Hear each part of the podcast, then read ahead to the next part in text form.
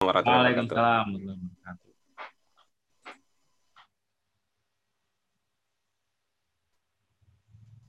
Mana ini?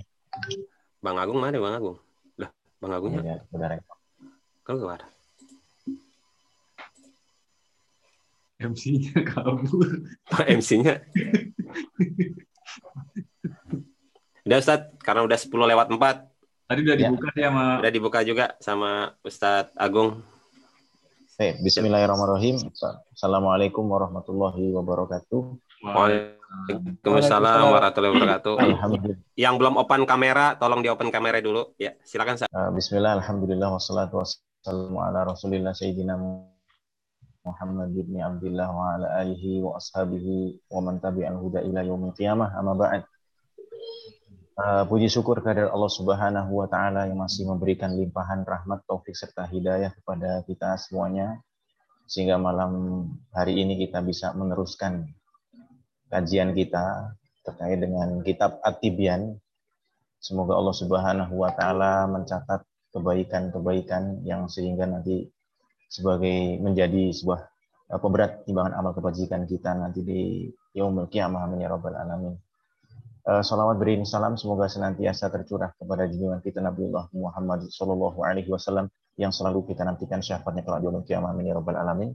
Mungkin bisa langsung kita buka kitabnya kemarin. Jadi memang pembahasan kita pada kesempatan malam hari ini insya Allah kaitan dengan fadilah ya atau keutamaan membaca Al-Quran, hafal Al-Quran.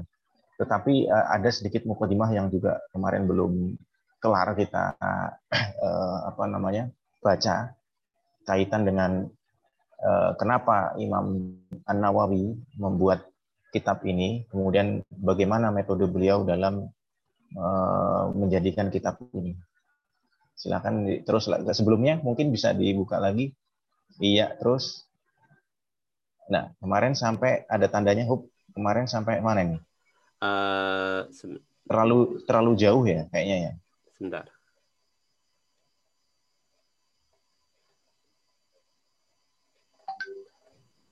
yang Nah, ini. Oh ya ini hub udah terus terus terus masih udah ini. Ini sudah terus. Ini sih kayaknya nih.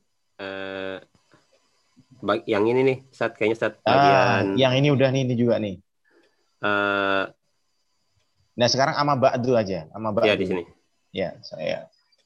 Eh, jadi eh, beliau meng- mengatakan di sini fa Allah Subhanahu wa taala manna ala hadhihi ummah zadahallahu ta'ala syarafan bid-din alladhi irtadahu dinul Islam. Amma ba'd setelah beliau menyampaikan mukadimah, ya, kemudian beliau menyampaikan bahwasannya sesungguhnya Allah Subhanahu wa taala memberikan kepada umat ini ya semoga Allah memberikan eh, ini zadah Allah ini eh, jumlah isti'aradiyah ya kalau dalam jumlah i'tiradiyah namanya kalau dalam bahasa ilmu nahwu ya jumlah eh, apa kalimat yang tidak ada ya cuman tambahan doa aja doa iya. Semoga Allah Subhanahu wa taala menambah kepada umat ini syarafan atau kemuliaan. Ya Eh, Allah Subhanahu wa taala memberikan kepada umat ini dengan agama yang Allah ridhoi yaitu dinul Islam. Makanya di dalam eh, Al-Qur'an surat Al-Imran Allah menyebutkan inna dina indallahi Islam wa arsala ilaiha Muhammadan khairal anam. Dan Nabi Shallallahu alaihi wasallam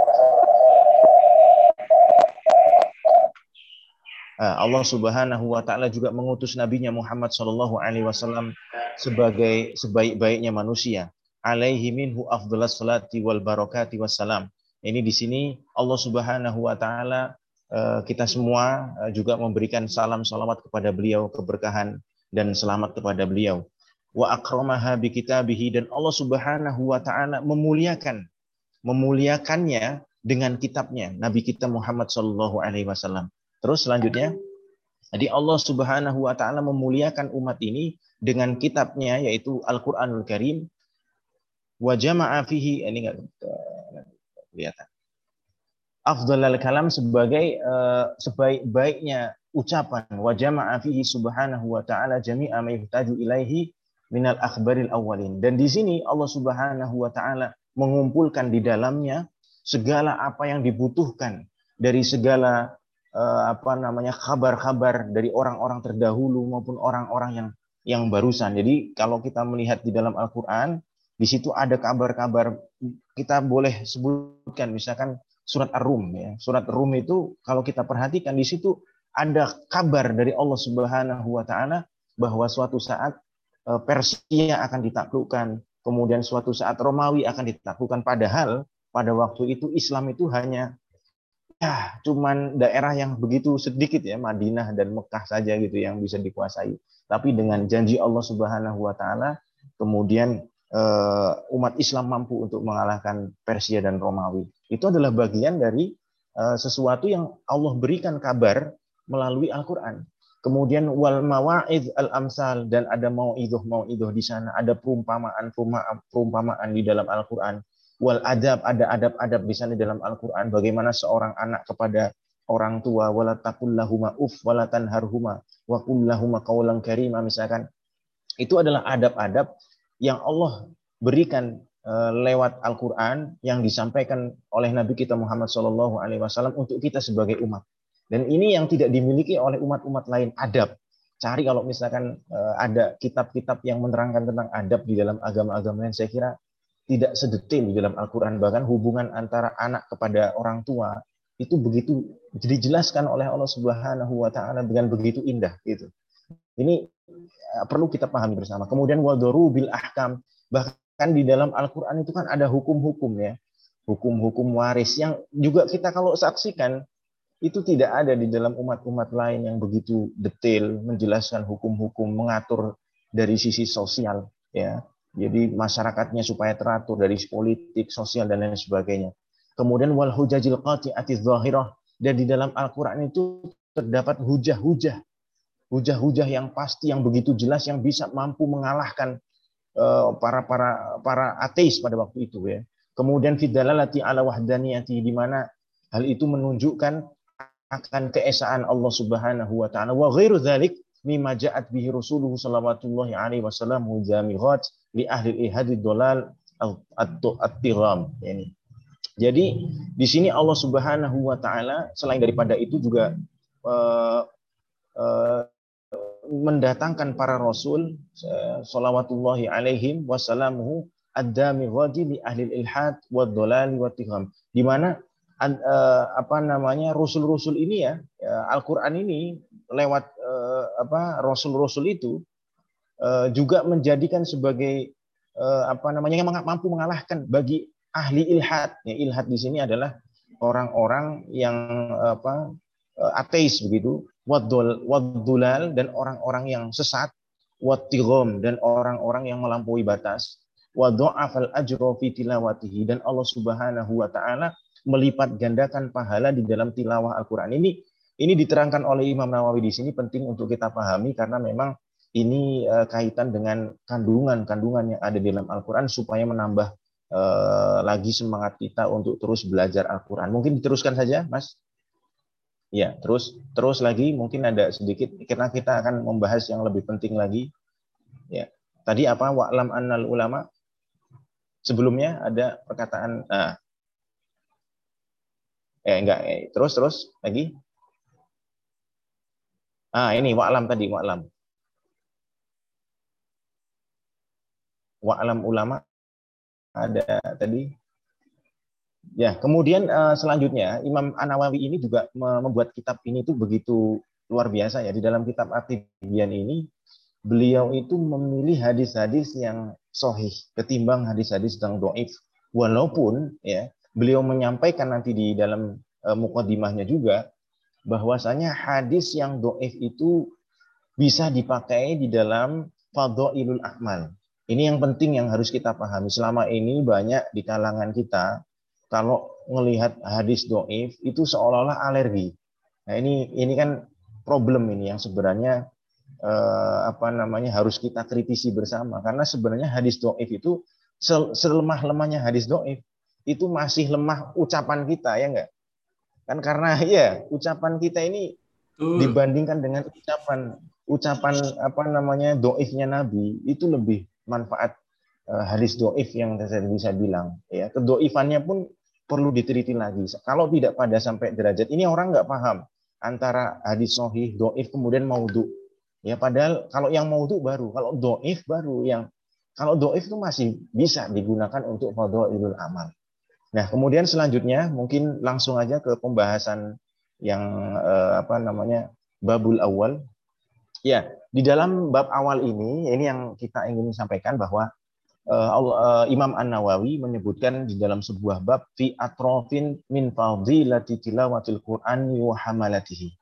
Di dalam sisi-sisi di mana Eh, keutamaan tilawah Al-Quran dan para pengemban Al-Quran.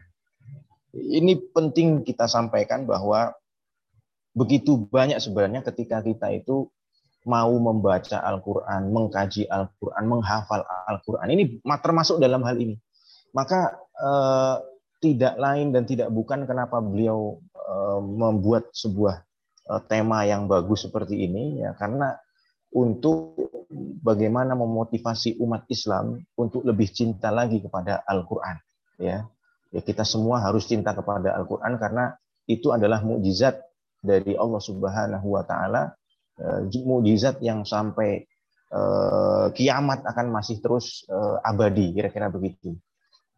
Beliau menyampaikan di sini qala azza wajal berkata Allah Subhanahu wa taala berfirman Allah Subhanahu wa taala innal ladzina yatluna kitaballah wa aqamus shalah wa anfaqu mimma razaqnahum sirran wa alaniyah yarjuna tijaratan lan tabur liwaffiyahum ujurahum wa yazidahum min fadlih innahu ghafurun syakur.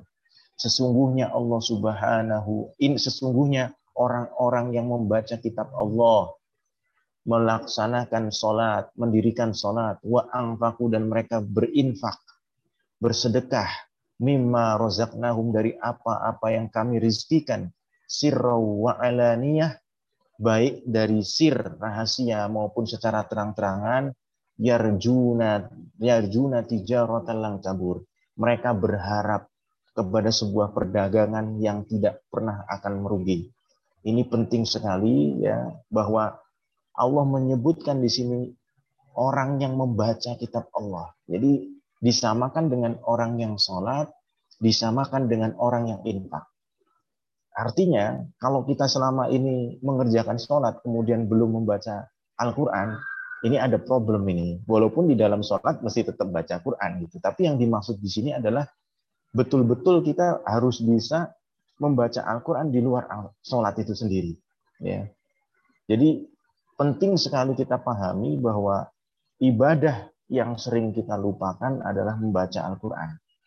Yang padahal pahalanya begitu luar biasa, di sini disamakan oleh Allah dengan sholat, ya mendirikan sholat tadi, kemudian berinfak. Ya. Karena apa? Karena memang yang menarik adalah seperti yang di dalam dikatakan oleh Utsman bin Affan di sini waruwina dan diriwayatkan kepada kami an Utsman bin Affan dari Utsman bin Affan radhiyallahu anhu qala qala Rasulullah sallallahu alaihi wasallam khairukum man ta'allama al-Qur'ana wa 'allama. Sebaik-baik kalian adalah orang yang belajar Al-Qur'an dan mengajarkannya. Jadi untuk mendapatkan khairiyah itu harus dengan belajar Al-Qur'an dan mengajarkannya. Ini dahsyat sekali. Di hadis yang lain walaupun ada hadis yang lain khairun nas anfa'uhum linnas, sebaik-baik manusia adalah yang bermanfaat bagi manusia. Tetapi secara khusus Nabi kita Muhammad Shallallahu Alaihi Wasallam memberikan kelebihan bagi orang yang mau belajar Al-Quran dan mengajarkannya.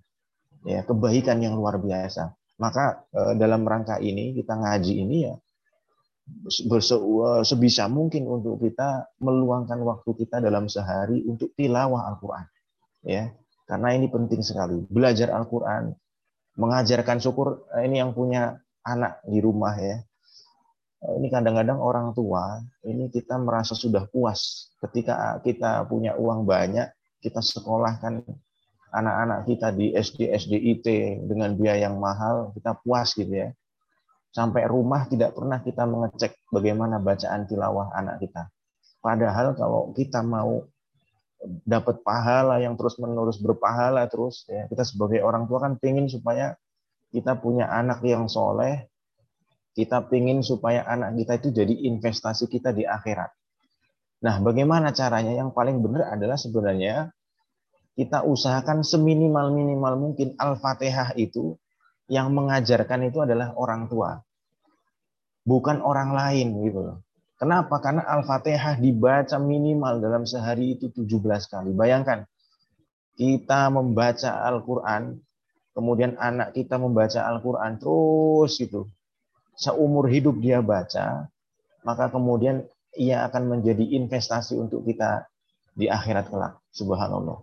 Ya, maka penting untuk kita pahami bahwa kebaikan di sini bisa kita lakukan dalam hal di keluarga kita. Makanya kata khairukum man ta'allamal Qur'an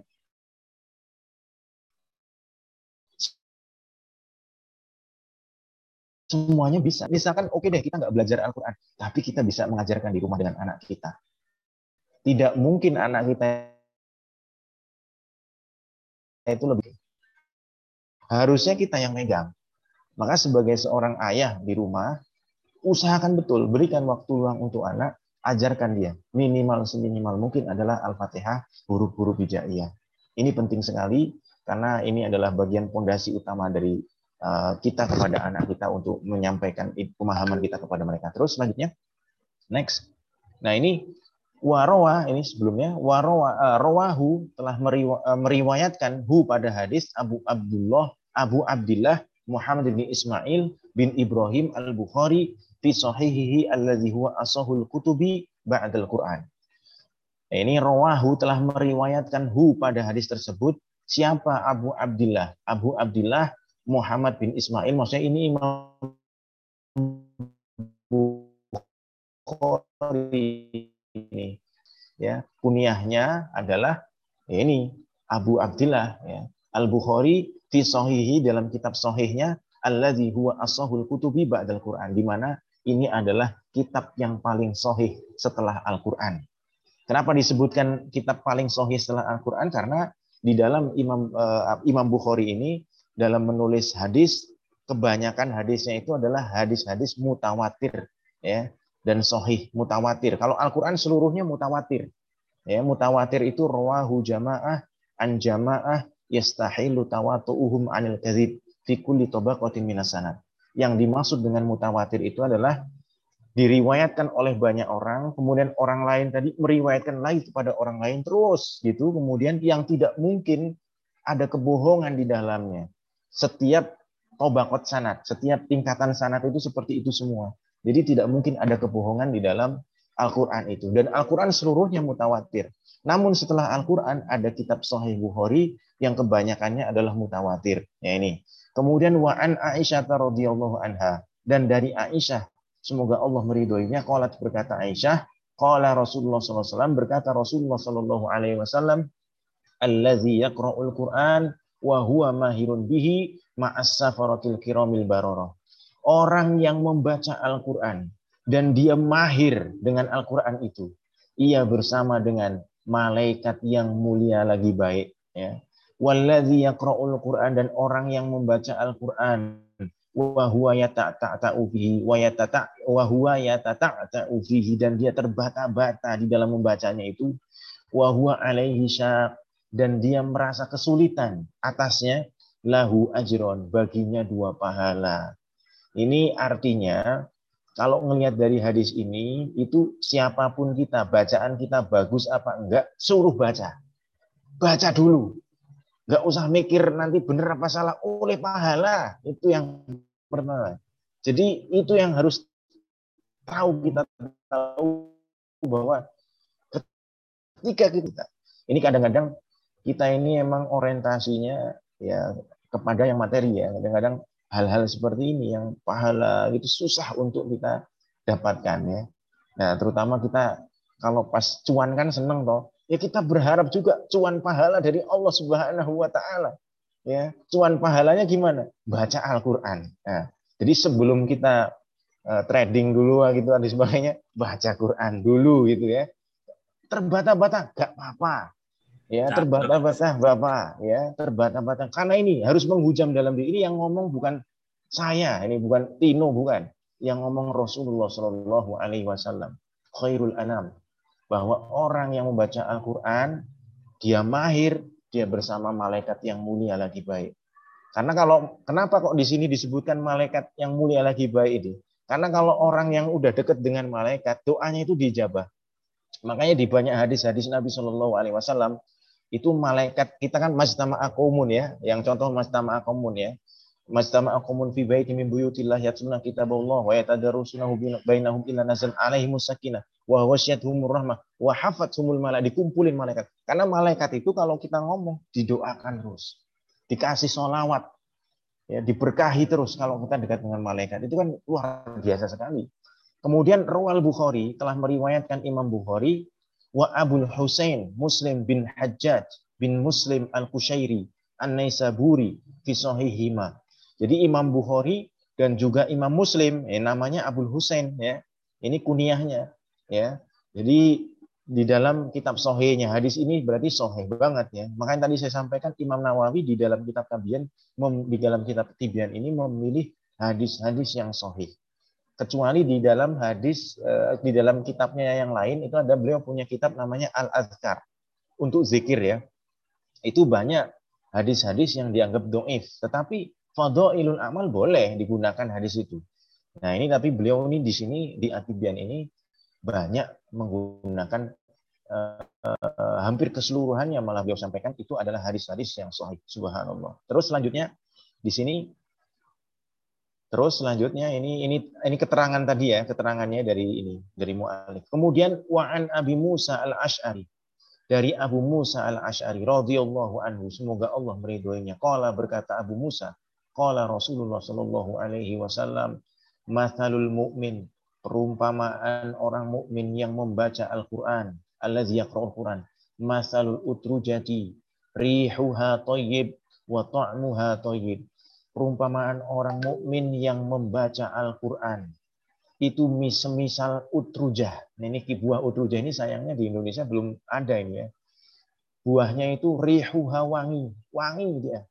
Rihuha thayyib wa ta'muha thayyib dan rasanya begitu enak. Ini digambarkan ini Nabi mencoba untuk memvisualisasikan bagaimana seorang mukmin yang mau membaca Al-Qur'an diibaratkan seperti buah. Ini indah. Supaya kita tahu bahwa Nabi itu sering di dalam Al-Qur'an juga ada perumpamaan-perumpamaan dan di hadis Nabi sering apa, menjadikan perumpamaan-perumpamaan juga. Kenapa demikian? Karena kita tahu bangsa Arab pada waktu itu bukan orang-orang yang sekolah gitu loh.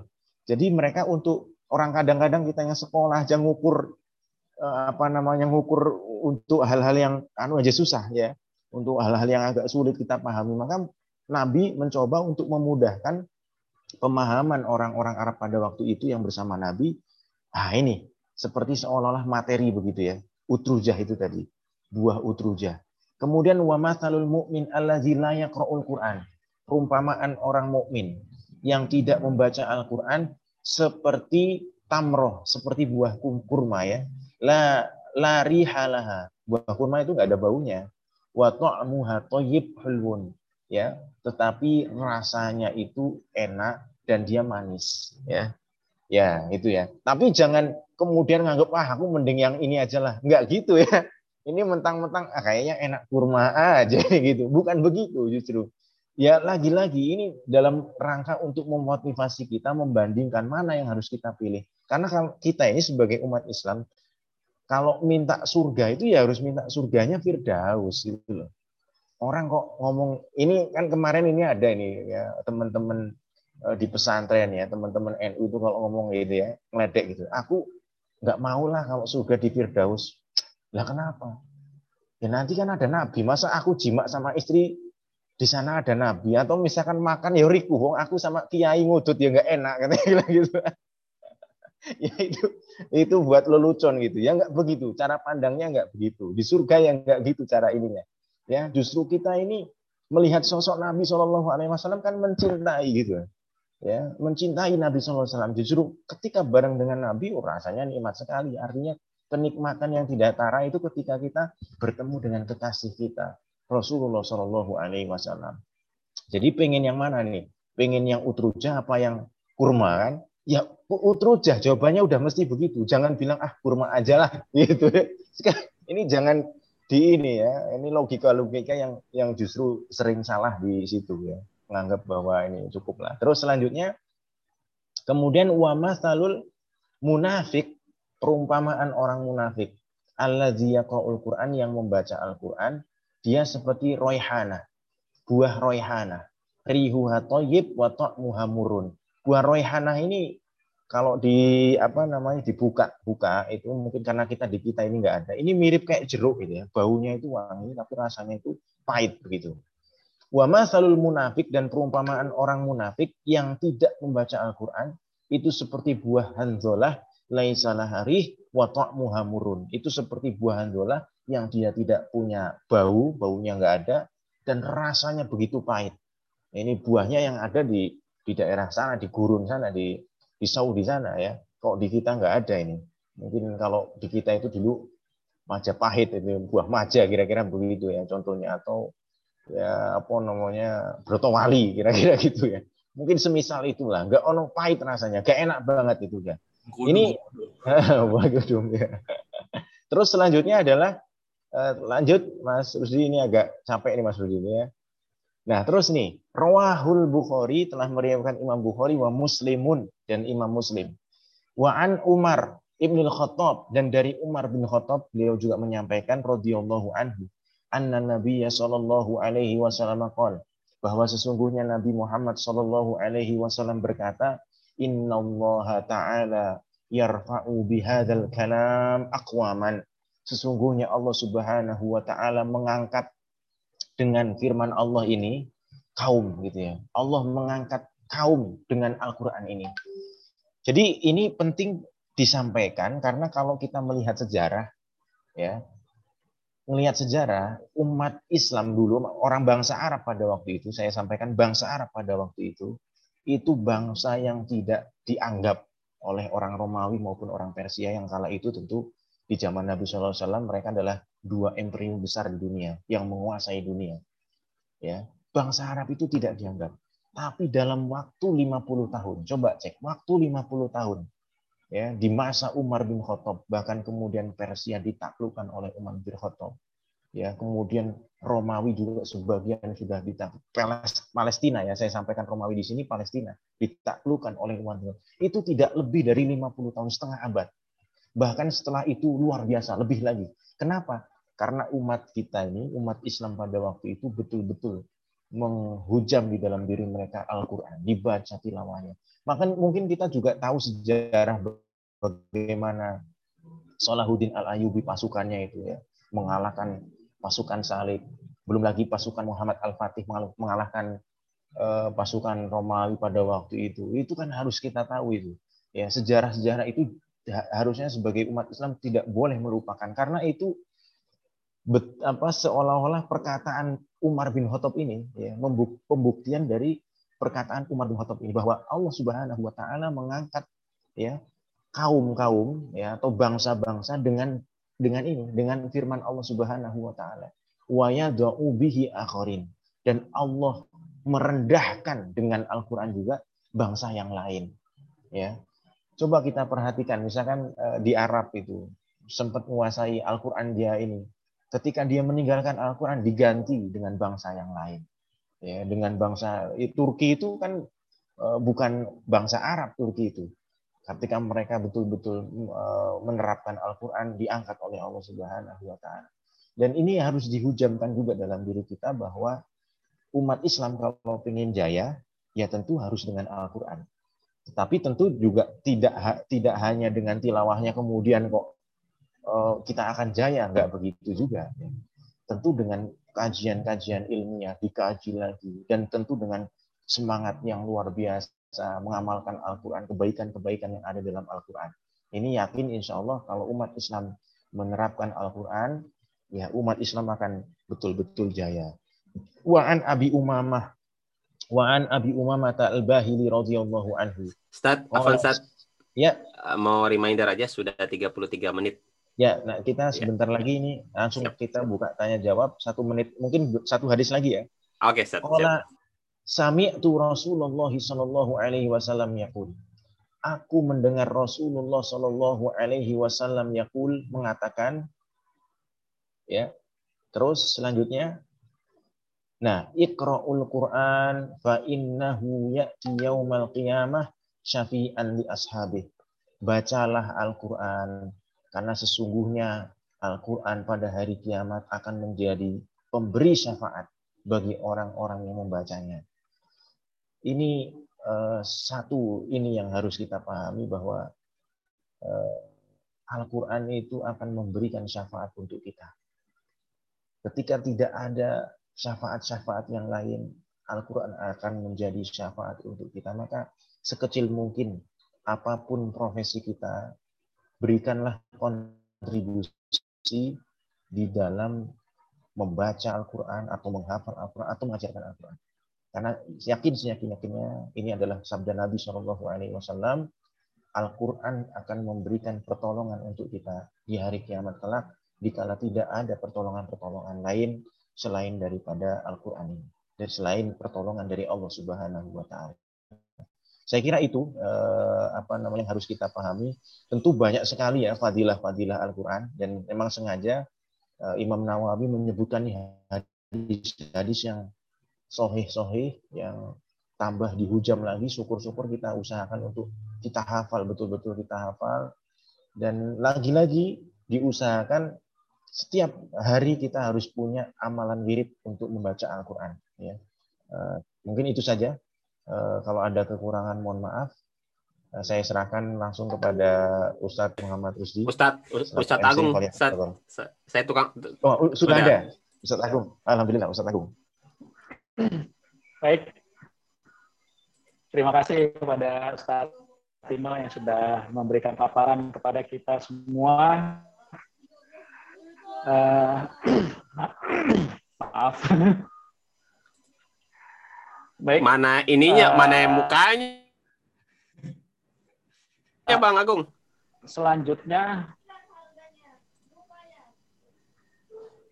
kameranya kebalik, Mas. Kelihatan ya? Belum kebalik kali. Udah belum? Belum. ya, ya. Belum, belum, belum. Enggak. Udah kan? Belum. Belum ya? Belum, Bang. Belum. Ya udah, suaranya dulu aja. Ya, suaranya dulu aja dah. Ayo. Sinyal kali itu sinyal. Kamera nih, kameranya ya, kebalik. Ini koneksinya memang lemot. Baik, eh, kesempatan berikutnya saya berikan kepada teman-teman sekalian yang ingin bertanya. Eh, dipersilakan, silakan mengangkat tangannya. Bang Ajan ya, mau nanya ya? Angkat ya, tangan. Ajan, kemudian Bang Wiwit ya? Halo? Iya, halo, iya. Iya, mau nanya juga. Baru Rusdi pertama nanya siapa? Saya atau Azan dulu? Kang Azan, silakan tuh. Ya. Eh, saya habis Azan baru saya. Assalamualaikum Ustaz. Waalaikumsalam warahmatullahi wabarakatuh. Maaf nih kalau nanya-nanyanya newbie banget. uh, gimana ya ngomongnya? Uh, tadi kan penjelasan fadilah keutamaan baca Quran ya. Iya. Itu uh, mungkin gak sih diasumsikan saat itu uh, hadisnya apa mungkin Rasulullah ngomong begitu karena konteksnya masih di Arab gitu ya jadi uh, kadang kadang kalau kita baca Quran tapi nggak ngerti artinya agak nggak kena gitu kan apa nggak berasa feelnya lah gitu terus apa berlaku kayak apa dikiaskan kayak uh, sholat wajib maka wudhu wajib gitu kan. Nah ini berlaku juga kayak di Quran misalkan baca Quran itu uh, fadilahnya banyak bahkan wajib mungkin. Nah berarti bahasa Arab wajib juga gitu. Uh, soalnya uh, emang jadi apa ya? Ya mungkin kalau orang yang awam kayak saya mungkin uh, baca Qurannya sedikit-sedikit tapi sambil nyicil baca tafsir atau apa gitu kan jadi lebih ini kadang-kadang kalau ngejar baca jusnya banyak gitu terus nggak tahu artinya malah lebih apa ya ngerasanya gimana ya mau bilang wasting ya nggak enak. Cuman uh, ya emang nggak tahu artinya jadi cuman sekedar baca gitu. Nggak nggak nggak ada semangat gitu ya? Ah, ah kalau misalkan baca lima ayat terus buka apa tafsir Ibnu Kasir atau apa kan jadi langsung tahu oh ini konteksnya lagi begini begini begini gitu. Nah itu gimana? Jadi bingung nanyanya apa tadi? Pertama tadi eh, apa tadi kiasnya sama eh, wudhu apa sholat wajib maka wudhu wajib. Lalu kedua kalau buat yang awam yang nggak bisa bahasa Arab itu mending katakanlah ditelan sehari baca satu juz atau baca sedikit. Misalnya sama-sama uh, apa uh, punya waktu uh, eh, 15 menit gitu ya. Yeah. mending full baca Quran Arab atau baca satu dua ayat tapi sama artinya sama tafsirnya gitu. Nah itu yang yang mau saya tanyain gitu. Ya gitu aja saat terima kasih. Ya luar biasa. Ini langsung jawab aja Agung atau bagaimana kayaknya tampung dulu deh kayak kemarin saat tampung dulu tampung dulu boleh boleh tapi takutnya lupa ini. Ikut ustadznya aja, Pak MC. Kalau lupa, ya suruh nanya lagi Ustaz kalau lupa. ya. Yuk, Mas Wiwit, silakan Mas Wiwit. Assalamualaikum Ustaz. Waalaikumsalam warahmatullahi wabarakatuh. Ya, perkenalkan saya Wiwit Ustaz baru join minggu lalu Ustaz. Jadi masih ya. newbie juga. Uh. Jadi uh, saya ada dua pertanyaan Ustadz. Uh, yang pertama tadi kan Ustadz sempat menyinggung bahwa sebaiknya anak-anak kita juga kita ajarkan Al-Quran gitu ya, atau mungkin kita mengecek bacaan mereka. Nah, ada dua sisi sih. Yang pertama, apakah kita mengejar semangat anaknya yang penting tiap hari mau belajar ngaji, meskipun bacanya salah, belepotan gitu, atau kita benarkan tahsinya segala macam, tapi resikonya sekali baca terus nggak mau baca lagi gitu kabur gitu kan. Wah susah lah bapaknya dengan sama Ustadz ini aja lah gampang gitu. Itu yang pertama. Yang kedua adalah uh, dulu sempat ada kajian di kantor yang ngisi itu Ustadz Yusuf Mansur gitu waktu itu. Nah beliau tuh uh, sempat menyampaikan bahwa cobalah setiap hari itu membaca surat Al-Waqiah gitu. Dan cuma apakah ada rujukan yang tanda kutip itu sohih atau enggak gitu ya tapi belum menyampaikan hmm. di momen itu seperti itu dan kita cek ke beberapa kajian beliau juga memang menyampaikan nggak cuma sekali gitu. Nah, apakah ada iya. rujukan yang sohih atau enggak itu terkait itu? Karena saya coba cari-cari itu nggak ada gitu. Mungkin itu Ustaz dari saya dua pertanyaan. Ya. Ya, dua pertanyaan. Pertanyaan pertama ini uh, dari Mas Adan ya. Jadi pertanyaannya luar biasa sekali. Satu ya. lagi, ada lagi satu lagi.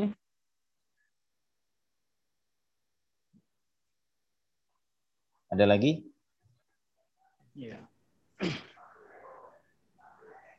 Dijawab dulu aja, Tat. Iya.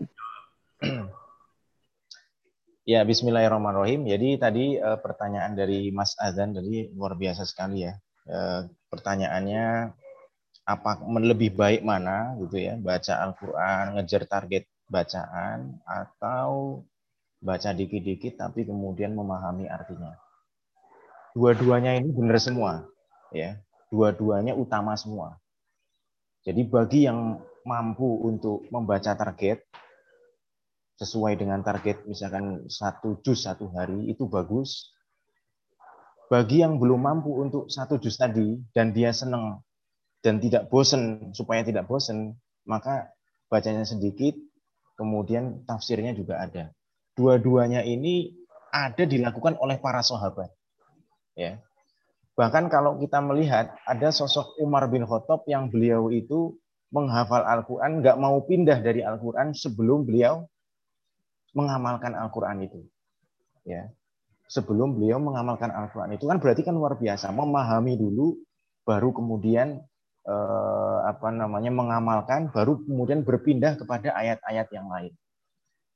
Nah, kalau melihat dari dua ini dua-duanya boleh, maka sebenarnya pada diri pribadi masing-masing di mana yang paling eh, kita istilahnya supaya nggak bosan misalkan ada orang kalau baca terus bosan ya nyari yang lebih mudah untuk dia supaya nggak bosan ya dua-duanya utama yang paling banyak itu yang paling baik. Nah itu.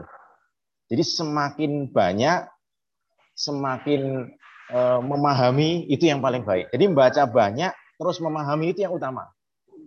Nah, jadi kita masing-masing bisa mengukur diri kita. Kalau memang eh, daripada saya baca banyak kemudian bosen, mending sedikit-sedikit tetapi continue. Ya, karena Nabi Shallallahu Alaihi Wasallam mengatakan di sebuah hadis yang lain, amalan yang paling utama itu adalah sedikit-sedikit, tetapi dia continue. Daripada banyak, terus kemudian ngesuk orang, nah, besok enggak, ya semangat gara-gara denger kajian Abdi Fadilah, cuman seminggu tok baru itu enggak lagi.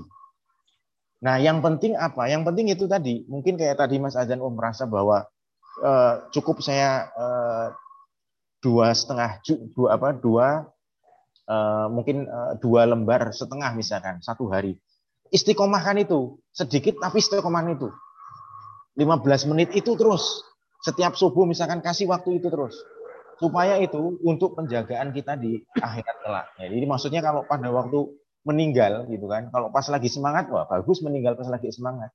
Cuma pas lagi futur ya ini yang penting. Ya itu yang ngeri itu.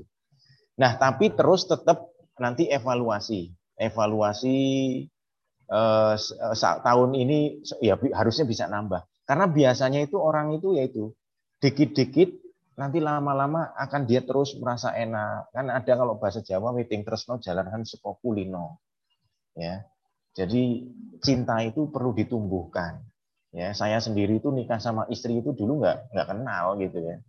Tapi saya ki kemudian ditinggal sama istri koyo eo waduh sakit banget gitu gitu ya itu begitulah kira-kira karena udah begitu kenal baik kira-kira begitu. Jadi eh, lagi-lagi berarti mbak dalam baca Al-Quran kalau ngelihat dari keutamaannya dua-dua utama ya baca yang banyak juga utama bahkan Nabi pernah juga melarang.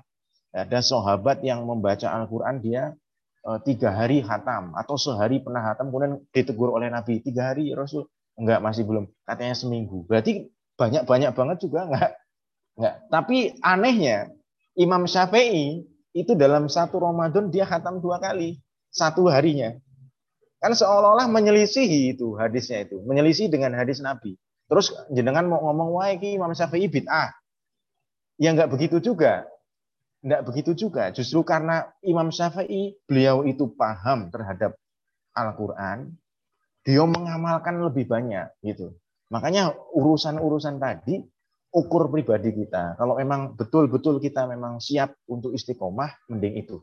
Itu yang perlu anu saya eh, lebih utama yang itu, yang istiqomah itu malah. Jadi jadi saya nggak nggak ngambil dua-duanya ini Mas Azan. Jadi pilihan jenengan ini saya pilihan yang lain.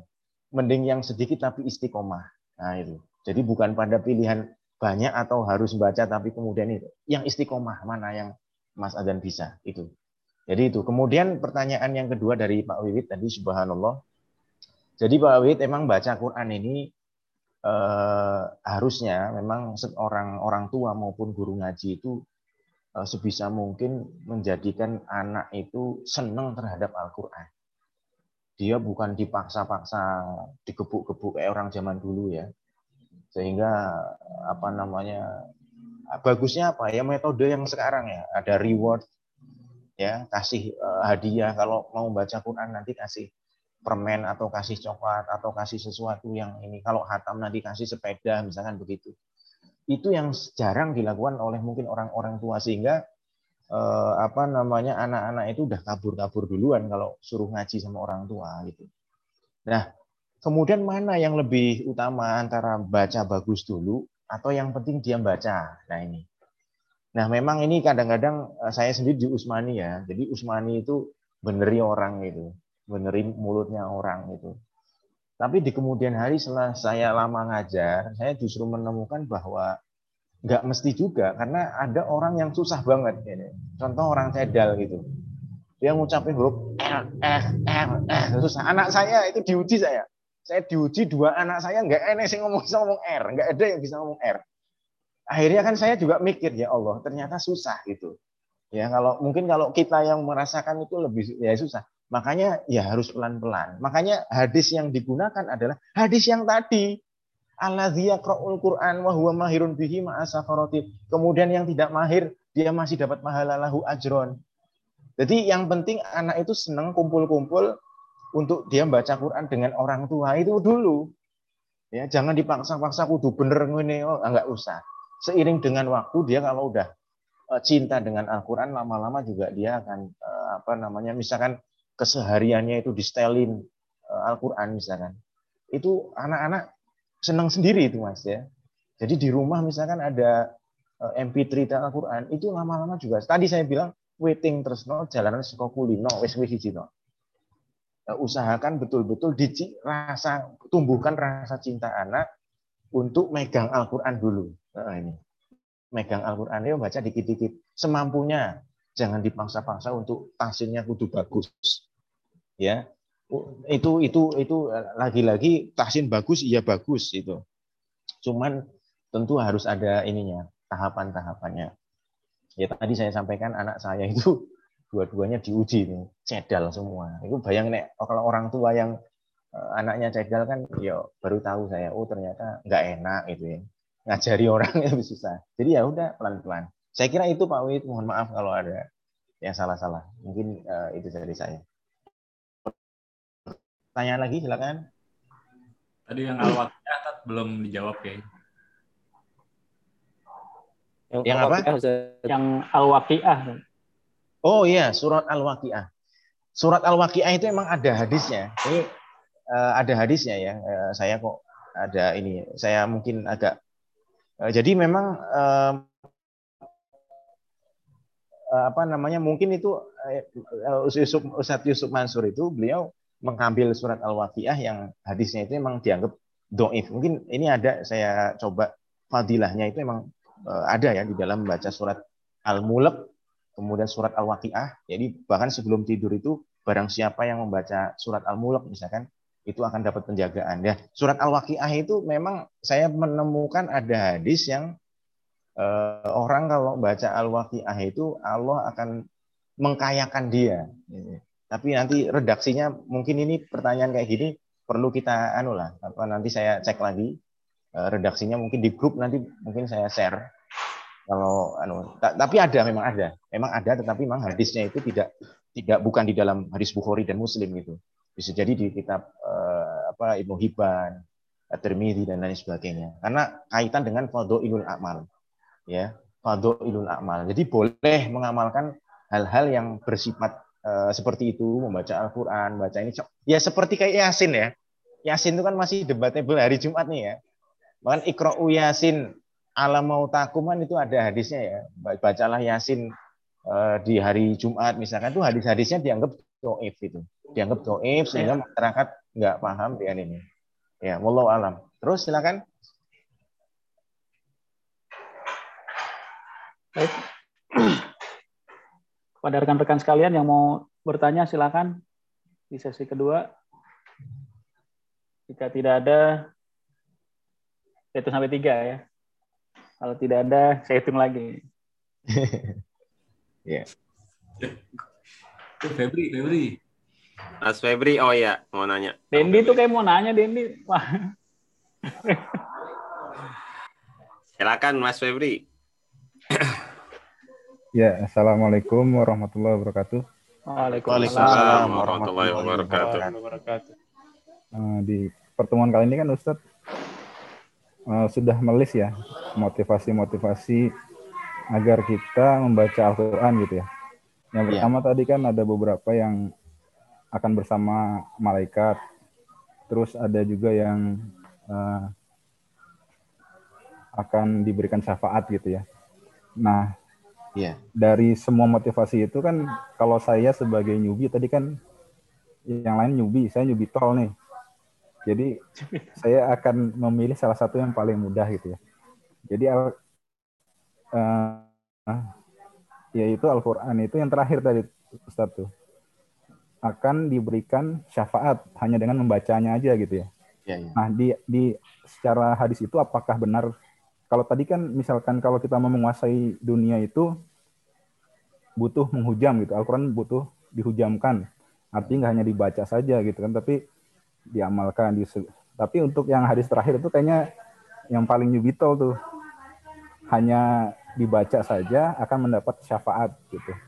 Nah itu yeah. kan secara ayat itu apa benar dibaca saja atau ada in ininya Ustaz? Ya, yang di hadis tadi itu li ashabihi. Li ashabihi itu sohib Al-Quran, teman Al-Quran. masuk mencakup pada orang yang membaca, yang menghafal Al-Quran, yang mengamalkan Al-Quran. Nah itu. Karena li ashabi hadis. hadisnya itu begini. Iqra'ul Quran fa innahu ya'ti yaumal qiyamati syafi'an li ashabi. Sohibnya Al-Quran. Jadi li ashabihi itu artinya sohib Al-Quran. Nah ini.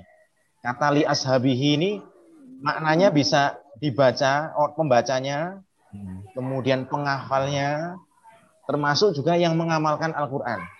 Nah ini. Maka kita coba di catatan kakinya mas. Catatan kakinya yang nomor satu ini. Coba dibuka catatan kakinya. Menurut muka hakiknya ini apa? Ini ya. Ini catatan ya, kaki. Ini ya. Bukan. Di bawahnya coba di bawah. Oh ini. Di bawahnya lagi terus. Ini, ini. Terus di bawahnya lagi. Enggak, enggak di bawahnya lagi. Oh, bawahnya lagi. Ah, ini. Ah, bawahnya lagi. Terus, terus. Belum kelihatan. Ini mana ya? Nomor satu. Nah, Bukan. ini. Eh, mana itu tadi? Yang ini kayaknya oh, Ustaz. kelihatan ya? Kan hadisnya yang ini Ustaz. Yang mana? Hadis hadisnya kan ini kan Iqra'ul Quran fa innahu ya'ti yaumal qiyamati. Ah. Ya kan? Ah, ah, Turun sedikit itu. Ini ya Ustaz ya? Ini kan? Turun lagi, turun lagi. Ini ya, ini ya. Turun. Rojulun. Ini bukan. Bukan, ini hadis juga ini. Oh, ini ya, ini oh, ya. Nah, lagi. Dia. Ini ya. Bukan, ini ini juga hadis juga. Oh, Terus, gitu. Bawa lagi. Bentar, mana? Ah. Ini, ini, ini. Bawa ini, lagi, bawa lagi. Bawa lagi, bentar. Bukan. Bukan ya. Masih dibawa lagi. Ini, Ustaz. Bukan. Bukan, sebentar. Bukan Ustaz. juga bawahnya. Bukan juga ya, bentar. Catatan kaki, jauh banget, Ustaz. Ini, Ustaz. Bukan ini. Mana ya Bukan. ya tadi ya? Uh, ayatnya kan ini, Ustaz. Eh, hadis hadisnya kan ini, Ustaz. Iqra'ul Quran fa innahu Ini kan Iqra'ul Quran. Ini kan Ustaz. Ya, ini ini ini nih. Ini satu nih. satu ininya di mana enggak tahu. Bukan oh, ini. Enggak ono. Bukan yang di bawahnya. Ini, kan? ini Ustaz. Bukan. Bukan, itu hadis lagi itu ini satu halaman ini. Eh ini oh. di satu halaman ini. Loh kok enggak? Oh ini ini ini bawahnya ya, ini. Ini. Ah ini ini bian yutasawwar bisurah. Ah ini. Ya ini kan. Nah, coba ya. itu buka. Ah, ya, ya. Coba buka. Ya.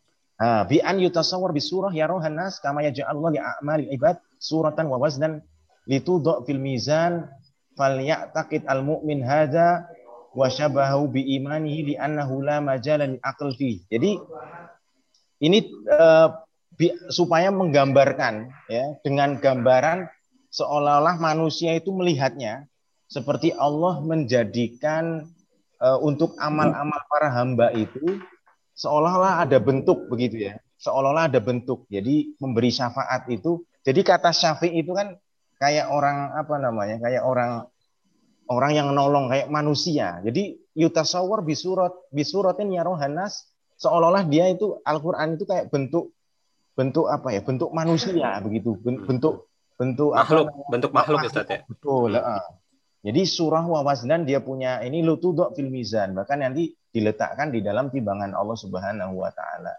Maka seorang mukmin itu berusaha untuk bagaimana beriktikot ya seperti ini ya penggambarannya dengan keimanannya bahwa ya ini tidak bisa di apa namanya tidak bisa di uh, digambarkan oleh akal kadang-kadang begitu.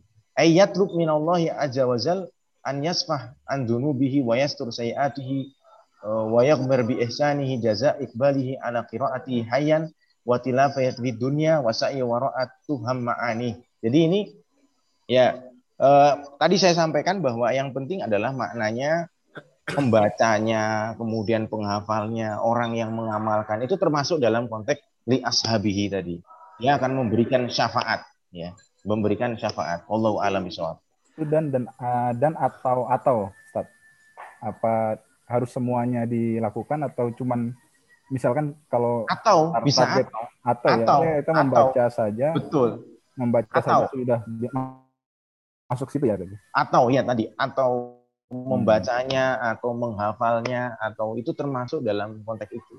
Ya konteks orang-orang yang karena gini dia dia kan amalan Al-Quran itu amalan yang nanti akan menjadi sosok makhluk yang seolah menolong kita itu tadi ya, ya Ustaz, itu. tapi kan ini ya. Ustaz konteks depannya kan ikra'ul Quran Ustaz membaca Ustaz Ya, karena begini, nanti kalau ya. Mas ya. lagi membaca lagi dalam hadis Nabi SAW, ikro'u ya, itu ya. Uh, zaman dulu itu maknanya juga hafal. Oh, masya Allah. Uh -uh. Jadi ya, ya. makanya nanti di dalam hadis Nabi Shallallahu Alaihi Wasallam itu banyak yang bentuknya itu begitu.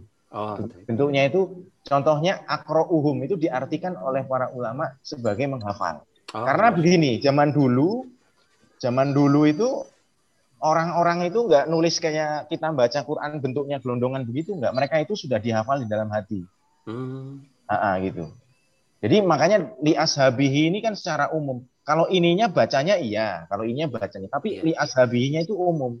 Untuk para pembacanya, untuk orang yang menghafalkannya, untuk orang yang mengamalkannya secara umum. Jadi amalannya adalah membacanya, tapi uh, subjek subjek yang dapat syafaat itu itu ini li ashabihinya ini. Oh, Iya, betul, betul. Dan salah satu yang menjadi sohib Al-Qur'an nanti makanya tadi saya bilang atau salah satunya adalah membaca Al-Qur'an. Nah, gitu. Berarti al-alaq juga ikro dulu suruh ada tafsiran ngapalin juga gitu saat ya pas turun al-alaq itu ya. Dipahami kali ya saat ya maksudnya. Ya, makanya kan maksudnya kan kalau kita membaca itu ada buku kemudian ada yang dibaca kan. Oh, ya ya. ya. Tapi ya, kan pada waktu kan itu ada, ya. oleh malaikat Jibril kan di, dipegang ya, kemudian ikro bacalah. Jadi nggak ono, nggak ada lembarannya. Hmm, benar. Cuman suruh ngikutin, suruh ngikutin aja. Harusnya suruh ngomongnya aja. ikutin saya ya, tapi pakai kata redaksi ya. ikro ya Ustaz ya. Ikro begitu ya. Masya. Itu mungkin begini karena Al-Qur'an kan dalam. Itu juga fungsi buat kita sebagai umat yang jauh dari nabi ya untuk membaca gitu. Nah, gitu. Jadi jadi di zaman Nabi Nabi nggak bisa baca anak orang beliau umi kok nggak bisa baca. Tapi dipaksa terus itu. Iya itu. Ya Allah alam bisawab ya. Baik, terima kasih kepada Ustaz Tino dan teman-teman sekalian. Ini udah nggak ada yang nanya lagi ya? Uh, Bagaimana? Assalamualaikum. Pak Salam. Siapa nih? Waalaikumsalam orang. Siapa nih? Saya Bram. Oh, Mas Bram. Yuk. Ya, cuma cuma mengingatkan aja tadi kalau nggak salah uh, pertanyaan dia salah satu pertanyaan dari Ustadz Azan tadi yang belum dijawab terkait yang apa uh, bahasa Arab apa wajib dia seperti dikiaskan kayak apa namanya wudu, ya, wajib, ya. sholat wajib kalau nggak salah. Iya. Ah, iya, Belum terjawab tadi katanya. Afan. Ya, terima kasih. Ya, Uh, makanya nanti ada dalam ilmu tak apa dalam kitab ta'alim muta'alim itu ada namanya ilmu hal. Ya, ilmu hal itu ilmu yang harus dipelajari tatkala itu kita melakukan sebuah perbuatan. Ya. Secara keseluruhan ya tentu nggak semua bahasa Arab kita harus kita kuasai enggak, enggak semua. Bahasa Arab itu enggak seluruhnya.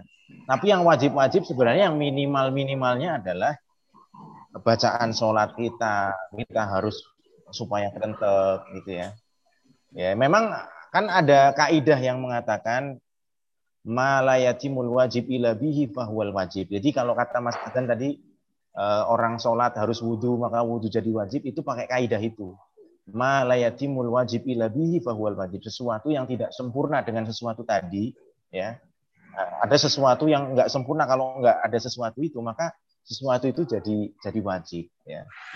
Nah, dalam bahasa Arab itu ya wajib tentu bagi orang-orang yang memang dia akan misalkan kalau sholat itu ya harus berusaha sebenarnya harus memahami yang sholat itu. Tapi belajar oh, harus nahu sorob, kemudian harus nahu dan itu enggak enggak termasuk dalam kategori yang diwajibkan oleh para ulama. Itu hanya sifatnya fardu kifayah saja.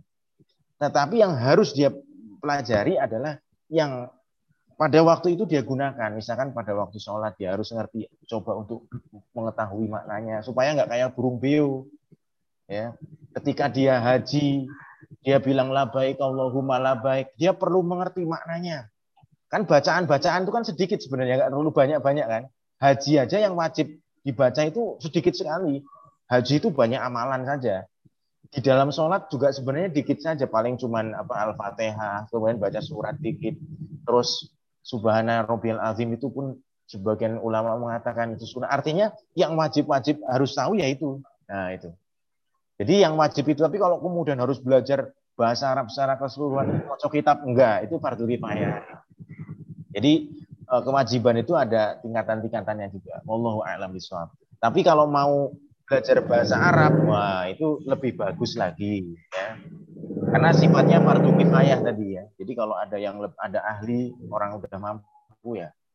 Ini dan masing-masing untuk orang yang fardu ain itu cukup yang uh, untuk yang uh, dia pada waktu itu gunakan ya. Salatnya dia, doanya dia ya. Ini ngomong doa, orang doa nggak ngerti artinya. Ya.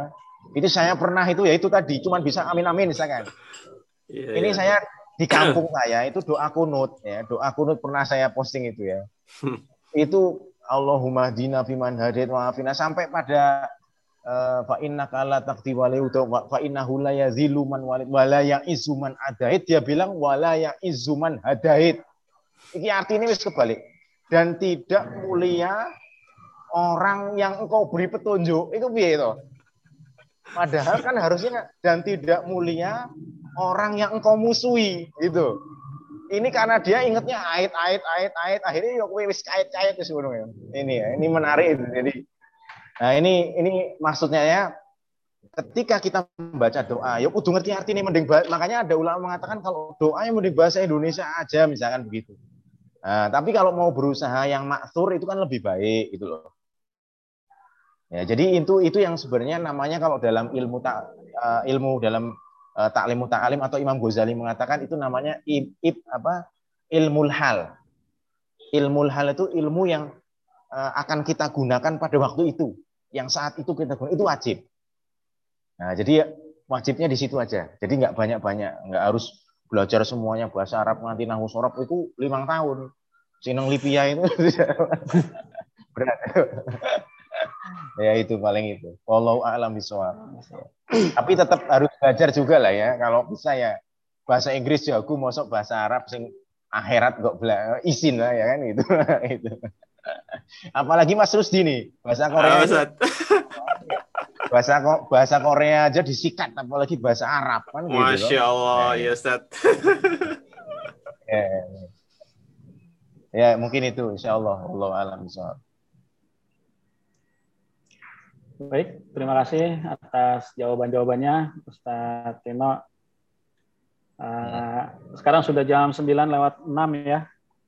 Mungkin kita cukupkan saja pertemuan kita kali ini dan kita akan lanjut lagi pertemuan berikutnya tetap di hari Kamis jam 8 ya. Jam 8 sampai jam 9 insya Allah. Insya Allah. Ya. Dan sebelum kita tutup, coba diperlihatkan dulu kameranya dinyalakan kita dada-dada mungkin dari hostnya mau difoto dulu. Dan fotonya gimana caranya?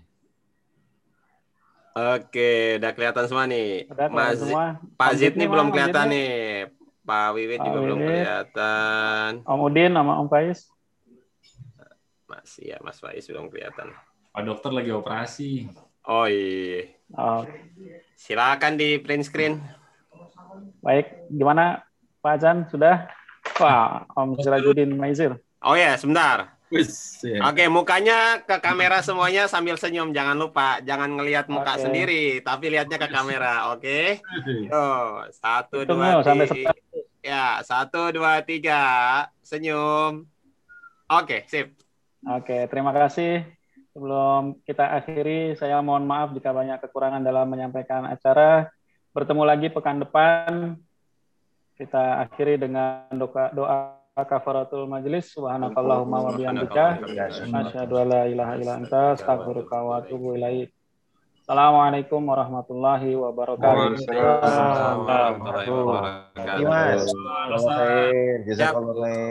Jazakallah khair Ustaz. Ya, terima kasih Ustaz. Mas Rozi. Sehat semua. Assalamualaikum warahmatullahi wabarakatuh. No le puedo colocar todo.